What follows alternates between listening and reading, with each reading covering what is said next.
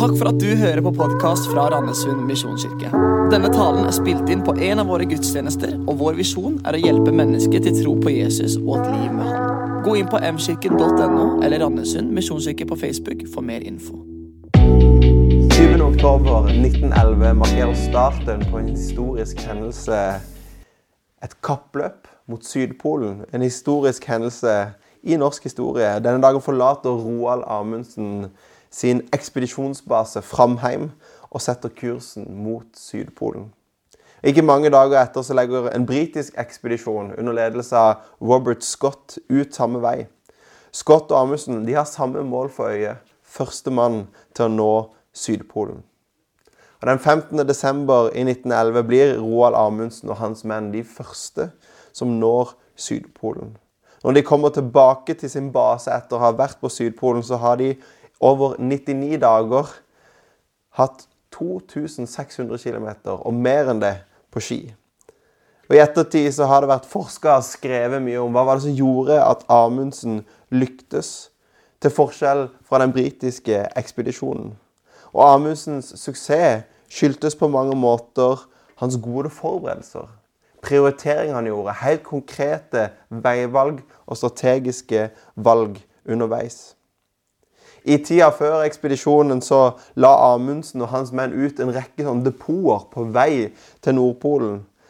Og Det sies at til sammen så la de ut utrolige 3000 kilo med proviant og utstyr frem mot Nordpolen på ulike depoter.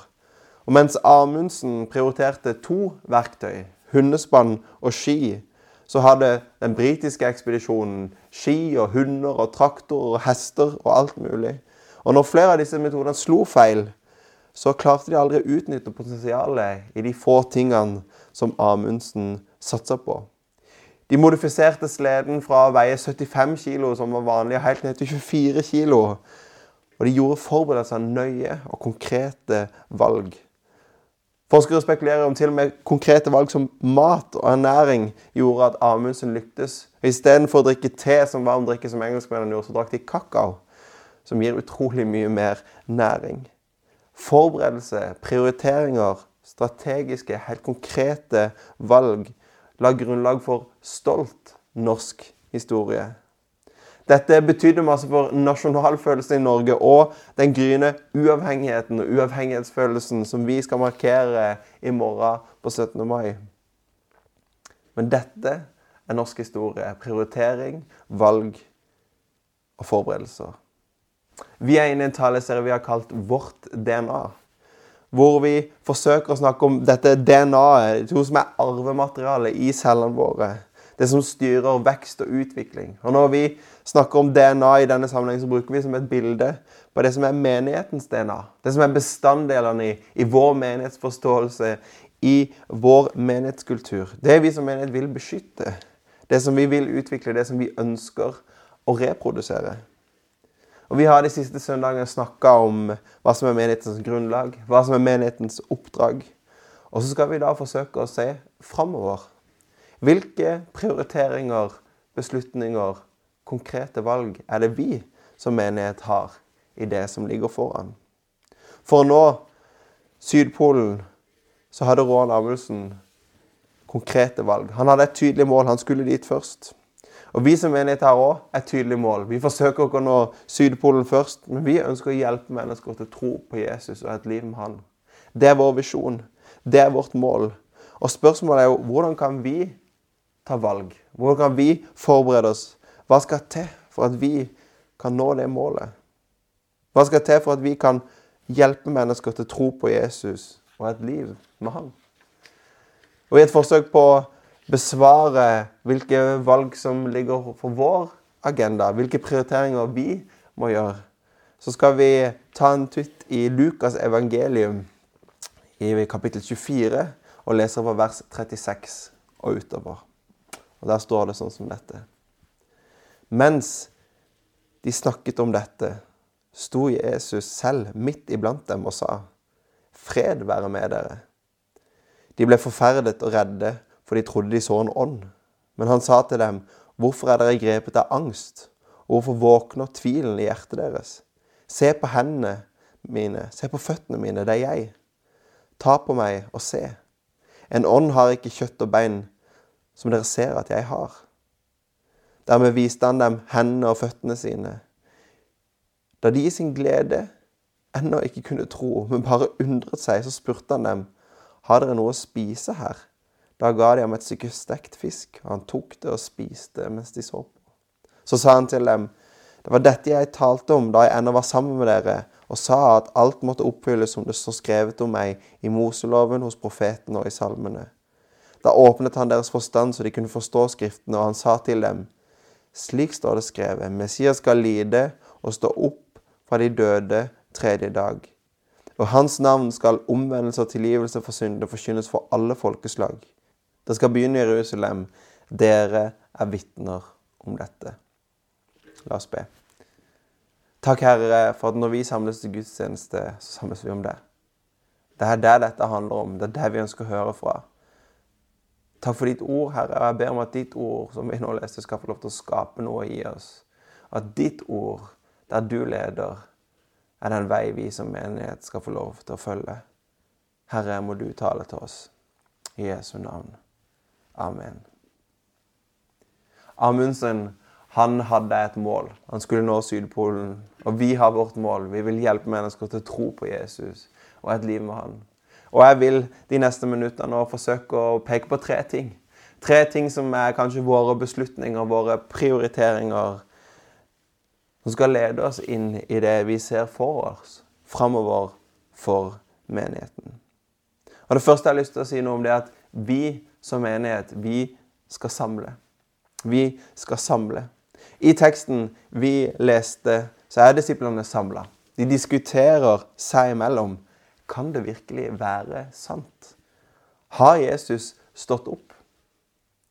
De har jo nettopp fått rapporter fra to mennesker som sier de har møtt Jesus på vei til Emmaus, og de deler med stor begeistring. Vi har sett Herren. Og de forteller til disiplene, og de tenker kan det stemme? Er han virkelig stått opp? Og midt i denne samtalen, i denne diskusjonen, så står det at Jesus står plutselig midt iblant dem og sier 'Fred være med dere'. Før han fortsetter 'Hvorfor er dere grepet av angst?' Hvorfor våkner tvilen i hjertet deres? Se på hendene mine og føttene mine. Det er meg. Ta på meg og se. Når vi som menighet arrangerer gudstjenester eller andre samlinger, så er det med dette som utgangspunkt og fundament at Jesus han er midt iblant oss. I Matteus 18, 20 så sier Jesus, for hvor to eller tre er samla i mitt navn, der er jeg midt iblant dem. Det er han vi samles om, og det er han som er alle samlingers sentrum. Og at nå Vi ønsker å være en menighet som samler mennesker, og ikke bare for samlingens skyld. Vi ønsker å samle mennesker for at Jesus kan møte mennesker sånn som han møter sine disipler her. Jeg elsker å se stadig i Det nye testamentet hvordan Jesus møter mennesker i ulike livssituasjoner. Gjennom hele Det nye testamentet leser vi hvordan Jesus møter mennesker i sorg, i fortvilelse, i depresjon, i tvil, i nød, i glede, i seier. I alle livets faser og realiteter. Disiplene de er her fylt av tvil, og midt i sin tvil så møter de Jesus og han sier, 'Det er meg. Se på meg.' Det er sant. Jeg lever. Kom og se. De ulike evangeliene betoner og beskriver møtene mellom disiplene og den oppstandende Jesus på litt forskjellig måte. Men hvis vi følger Lukas evangeliet, som vi her leste fra, så er det nettopp dette punktet hvor det går opp for disiplene. Det er sant. Jesus er faktisk levende. Han lever. Han er min mester, min frelser, min herre, min Gud. Det står at han åpner skriftene for dem, så han, de kunne forstå.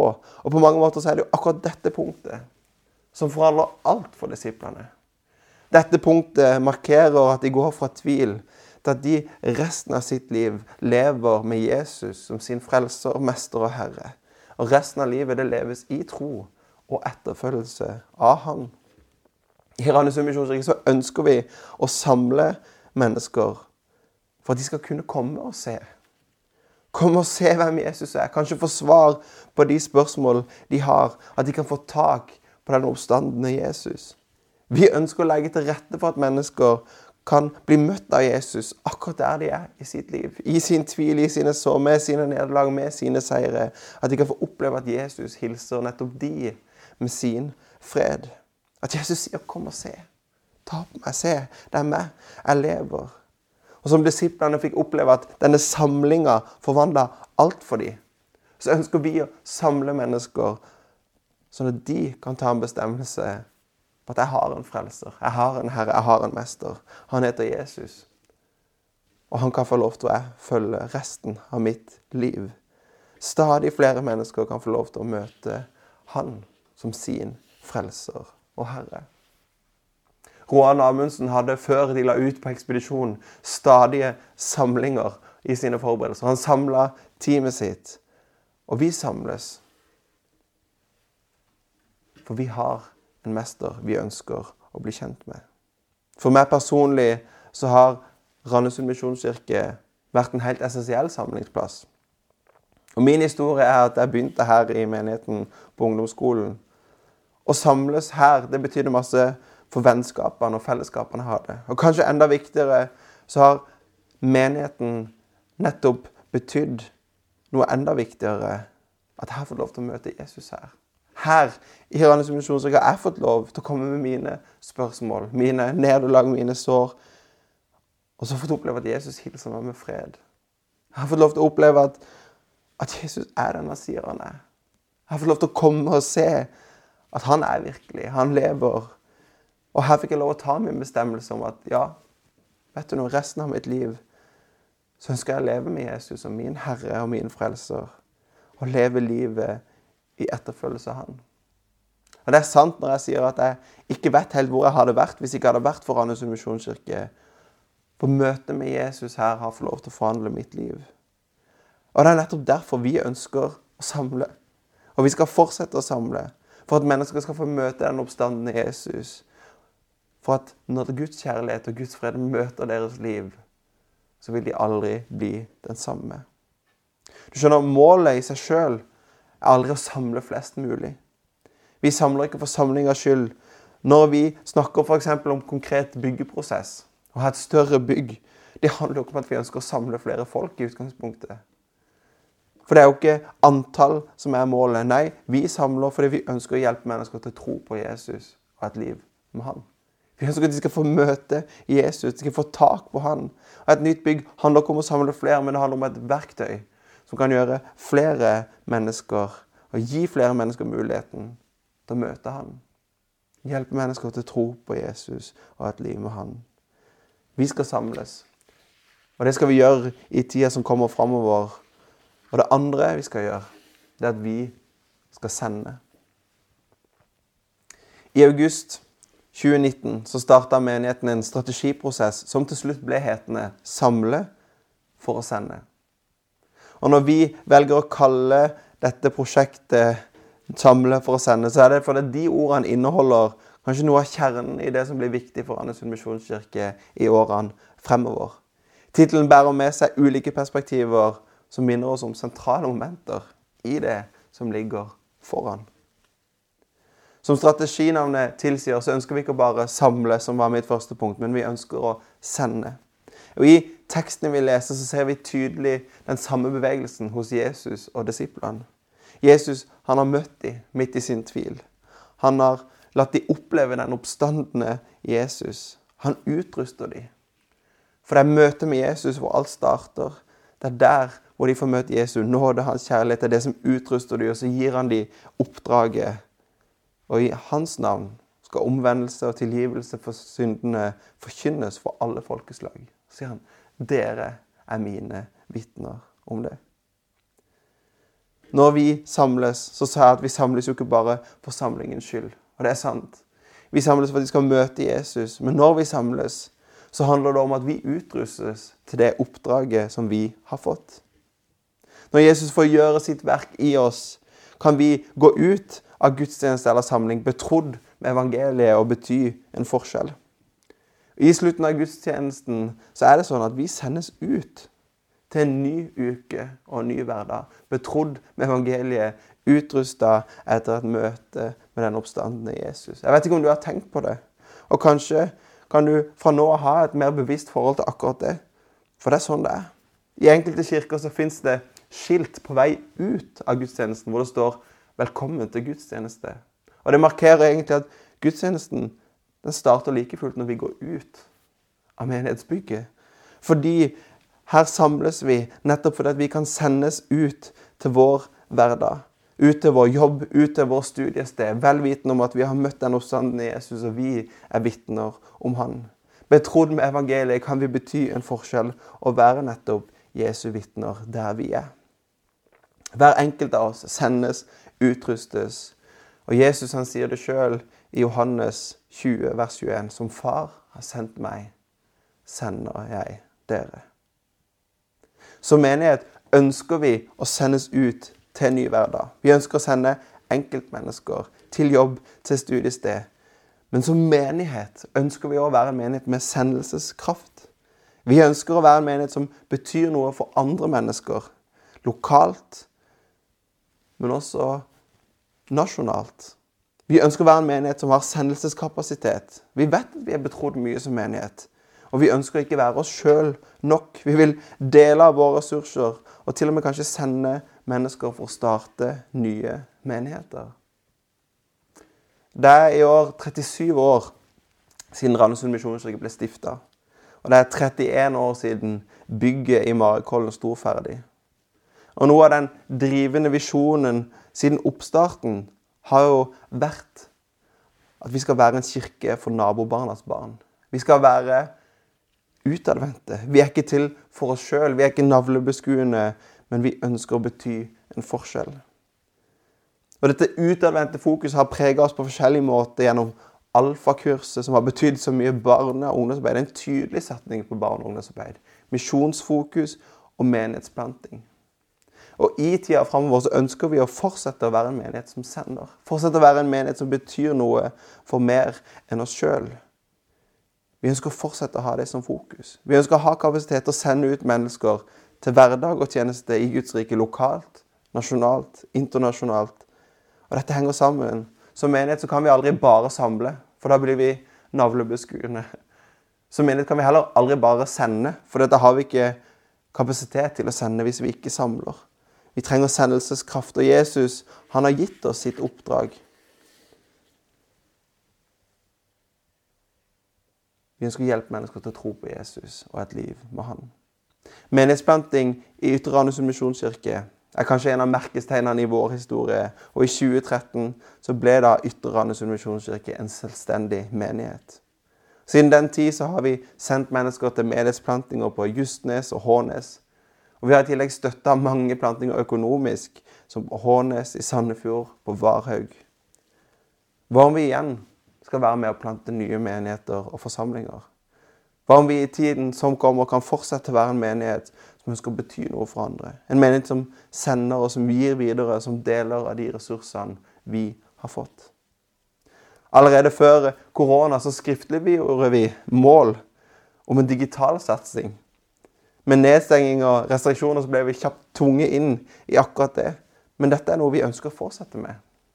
Vi vet at våre gudstjenester på nett når folk som aldri ellers ville komme og sett de her lokalt i kirka. En digital satsing skal på ingen måte komme i veien for det vi gjør her lokalt. Men vi vet at dette kan bety noe for kristne over hele landet vårt. Det finnes dessverre store områder hvor det kanskje er vanskelig å få tak og bli en del av en livskraftig menighet. Men tenk hva vi kan bety for mindre kristne fellesskap rundt om i landet vårt som aldri ville hatt mulighet til å besøke oss her. Som Randesund misjonskirke har vi siden starten hatt dette fokuset. Hva kan vi bety for de rundt oss? Og vi skal fortsette. Vi skal samle, vi skal sende. Og til slutt så har jeg lyst til å si at vi som menighet skal drømme. 17. april i påska 2033 så feirer vi en hendelse som er større enn noe annet. Denne dagen, 17. april, påska 2033, da er det 2000 år siden Kristus døde og sto opp igjen. Det er 2000 år siden det vi leste, at han sto opp, han møter disiplene sine. Det er en hinsidesmarkering. Det er en stor feiring, og vi ser faktisk for oss en feiring verden over. Vi ser for oss oppstandelsesfeiringer i Norge, i verden. Kanskje kan vi fylle stadioner over hele landet for å feire Jesu oppstandelse. 2033. Den feiringa vil vi være med på.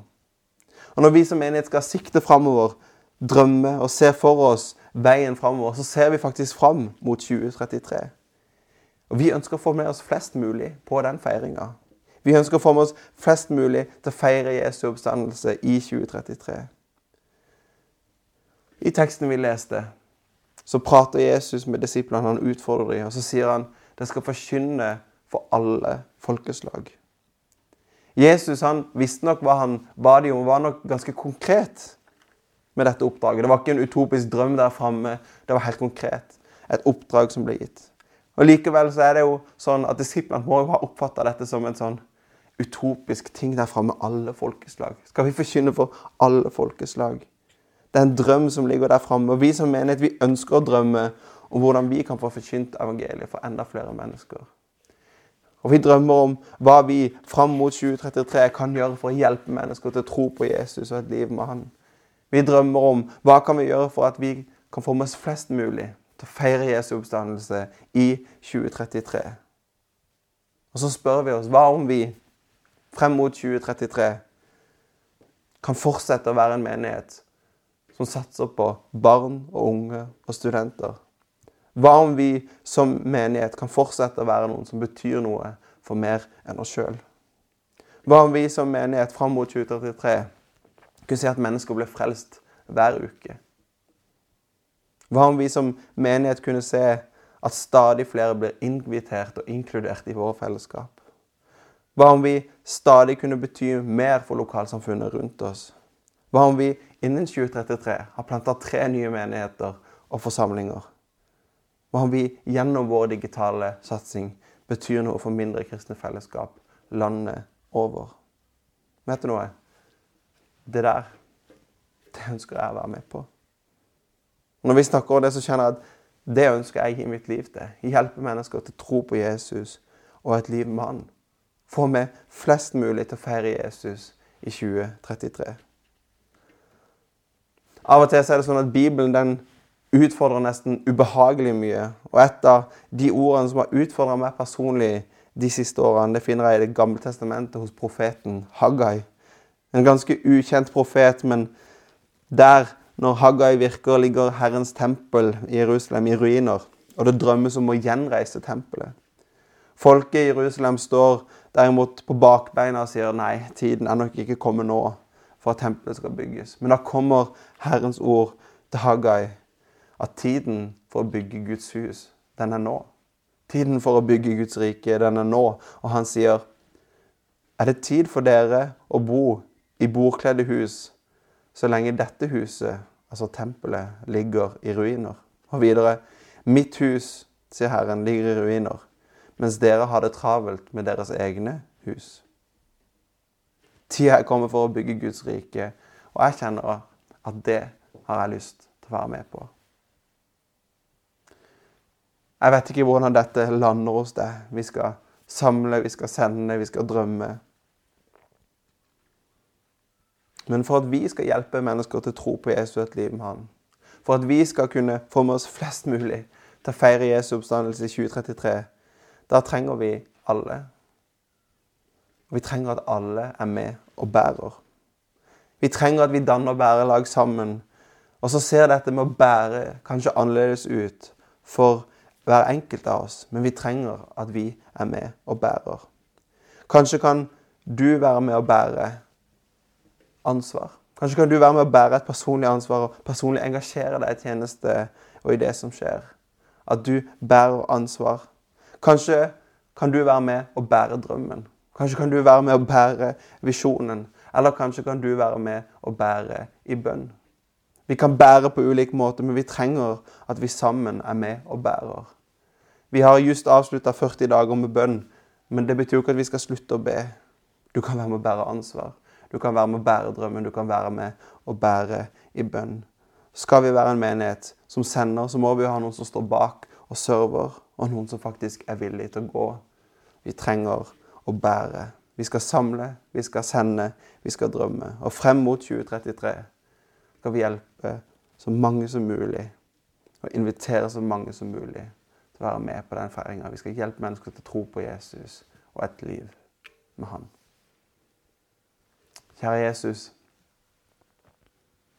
Takk, Herre, for at du møter oss akkurat der vi er, med din fred. Og så sier du 'kom og se'. Jeg lever.